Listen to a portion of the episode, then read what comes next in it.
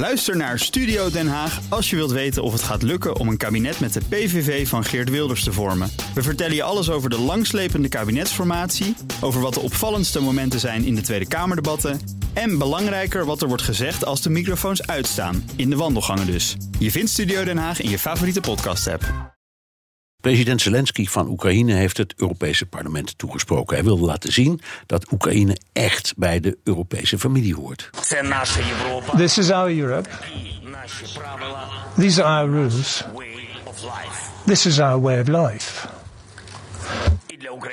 And for Ukraine, it's a way home. Ik praat er dadelijk over met Thijs Reuten, Europarlementariër voor de Sociaal-Democratische SND-fractie namens de Partij van de Arbeid.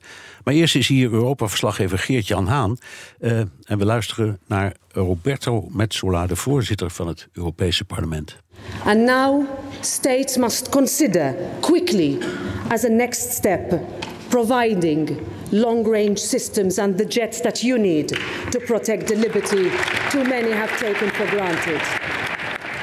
Ja, Geert-Jan Metsola vraagt de lidstaten om meer wapens, ook om vliegtuigen aan Oekraïne. Ja. Daar vroeg eh, Zelensky in zijn speech zelf niet om. En eerlijk gezegd, ik was een heel klein beetje verbaasd dat een voorzitter van het parlement zoiets doet. Ik ook. Ja. Want eh, dat is in principe eh, niet haar, haar primaire taak, zullen we maar zeggen. Ja. En dan denk je ook, oké, het vuurwerk begint al in het voorwoord van de voorzitter van het parlement.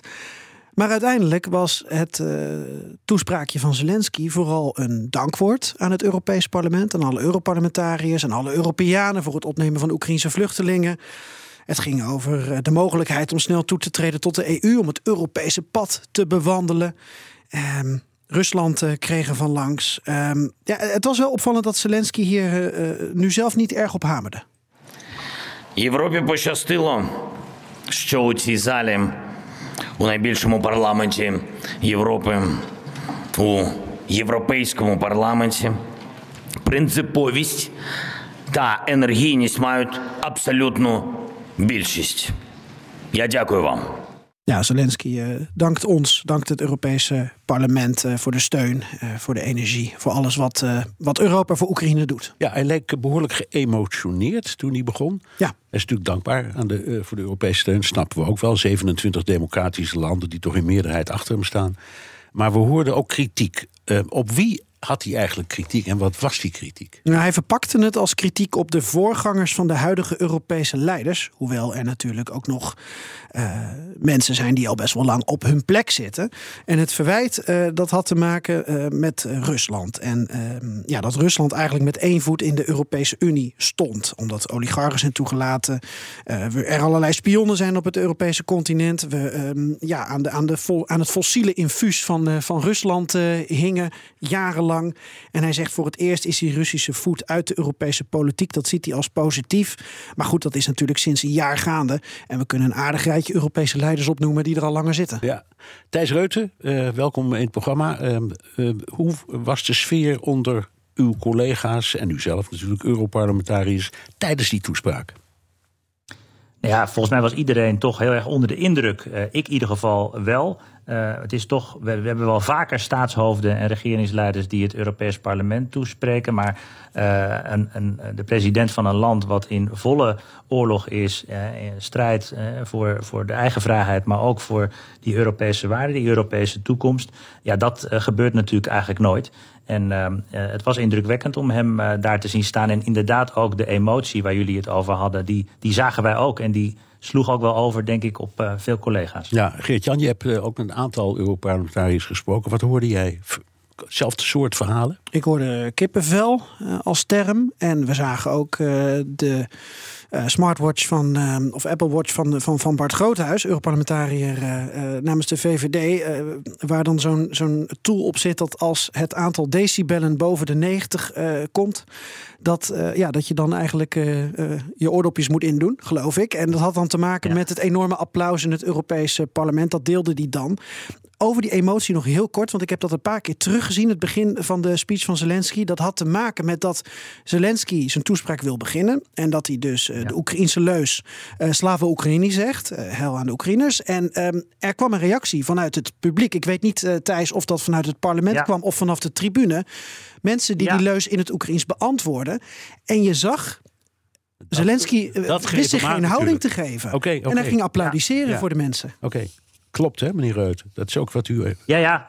Het werd beantwoord en ik was net te laat om te kijken of het nou van, van nog iets hoger kwam van de publieke tribune. Maar er werd in ieder geval inderdaad beantwoord met, met glorie aan onze helden. Hè? Ja.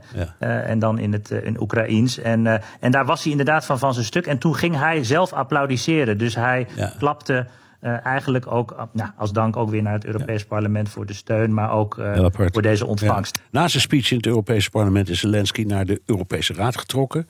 Um, daar sprak hij met de Europese regeringsleiders. En daarna, uh, Geert-Jan, gaf hij een persconferentie met Van der Leyen en Michel. Daar ja. keek, daar eerlijk gezegd, ik keek er een beetje van op, want ik had niet gedacht dat hij een persconferentie zou doen. Maar nee, omdat we normaal denken van Zelensky, die staat op zo'n uh, voetstuk. En, en, en dat beeld van hem, dat, uh, dat, dat wil hij graag behouden. Hij hoeft niet zo nodig uh, tastbaar te zijn, liever onaantastbaar. Maar het was wel interessant, want er werden wat vragen gesteld. Bijvoorbeeld over die wapens. daar zijn we natuurlijk benieuwd naar. En het journaal ook. wat is er in Londen en wat is er in Parijs nou afgesproken over vliegtuigen en over lange afstandswapens? Waar Metzola toch eigenlijk op hint. Nou, Zelensky zegt Parijs met Macron en Scholz. Die vergadering ziet hij als iets positiefs, ook met concrete besluiten. Maar hij wilde en plein publiek geen dingen over aankondigen uh, om de Russische Federatie niet wijzer te maken. Londen, uh, daarvan zei hij wel, we komen dichter bij een oplossing uh, wat betreft die lange afstandsraketten en de opleiding van onze piloten. Dus hij nam het woord jachtvliegtuig of straaljager of zoiets niet in de mond. Ook al doet zijn chef, zijn kabinetschef dat momenteel wel, meneer Jermak. Ja. Die zegt de kwestie is opgelost. Nou, ik heb nog niet ontdekt welke kwestie en wat er precies is opgelost. Um, maar goed, dat waren eigenlijk de dingen die het meeste opvielen aan die persconferentie. Plus Bernard Zelensky zegt: Ik wil lid worden van de EU. Dan bedoel ik dit jaar 2-0, 2-3. Ja. Dit jaar, ik heb niet het recht, en dat vond ik interessant, ik heb het recht niet om naar huis te gaan met andere resultaten. Ja. Oekraïne verwacht dit van mij. Ja, ja met de prachtige chantage-methode die hij voortdurend gebruikt. Dit is zijn derde stop in de Europese Tour van Zelensky. Hij was in Londen, in Parijs. Uh, hij is ook al bij, het Witte, bij Biden in het Witte Huis geweest, ja. het congres toegesproken. Heeft Zelensky nu de smaak te pakken?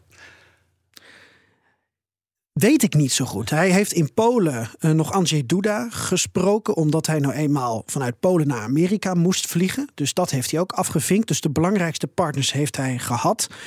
Ja, uh, als wij suggereren, Bernard, ik zat zelf te denken eventueel aan uh, toch aan Den Haag als stad van vrede en recht, waar misschien een tribunaal komt. Von der Leyen hintte daar ook weer op in de persconferentie. En ik dacht als um, Dark Horse misschien Stockholm. En dat heeft te maken met dat natuurlijk nu uh, die oproep van Zelensky telkens is voor vliegtuigen.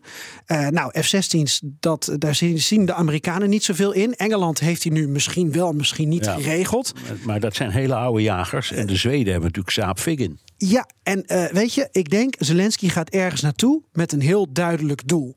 Uh, anders laat hij zijn gezicht niet zomaar zien. Hij wil dat unieke karakter behouden. Dus dan zou dit mijn dark horse zijn. Maar goed, weet je, een, een fotomoment met Erdogan of Netanyahu, de landen die een beetje van beide walletjes eten, ja, dat kan natuurlijk ook in je voordeel van de beeldvorming werken. Dus uh, je moet niks uitvlakken. Nee, en hij heeft natuurlijk nu ook andere dingen aan zijn hoofd. Dankjewel, Europa-verslaggever Geert-Jan Haan. Ook Liesbeth Staats vind je in de BNR-app. Ja, heel handig. Luister live naar Kees en mij tijdens de Daily Move. Dan blijf je ook gelijk op de hoogte van breaking news en het laatste zakelijke nieuws. En daar vind je ook alle BNR-podcasts, waaronder de Perestrooikast. Download nu de gratis BNR-app en blijf scherp.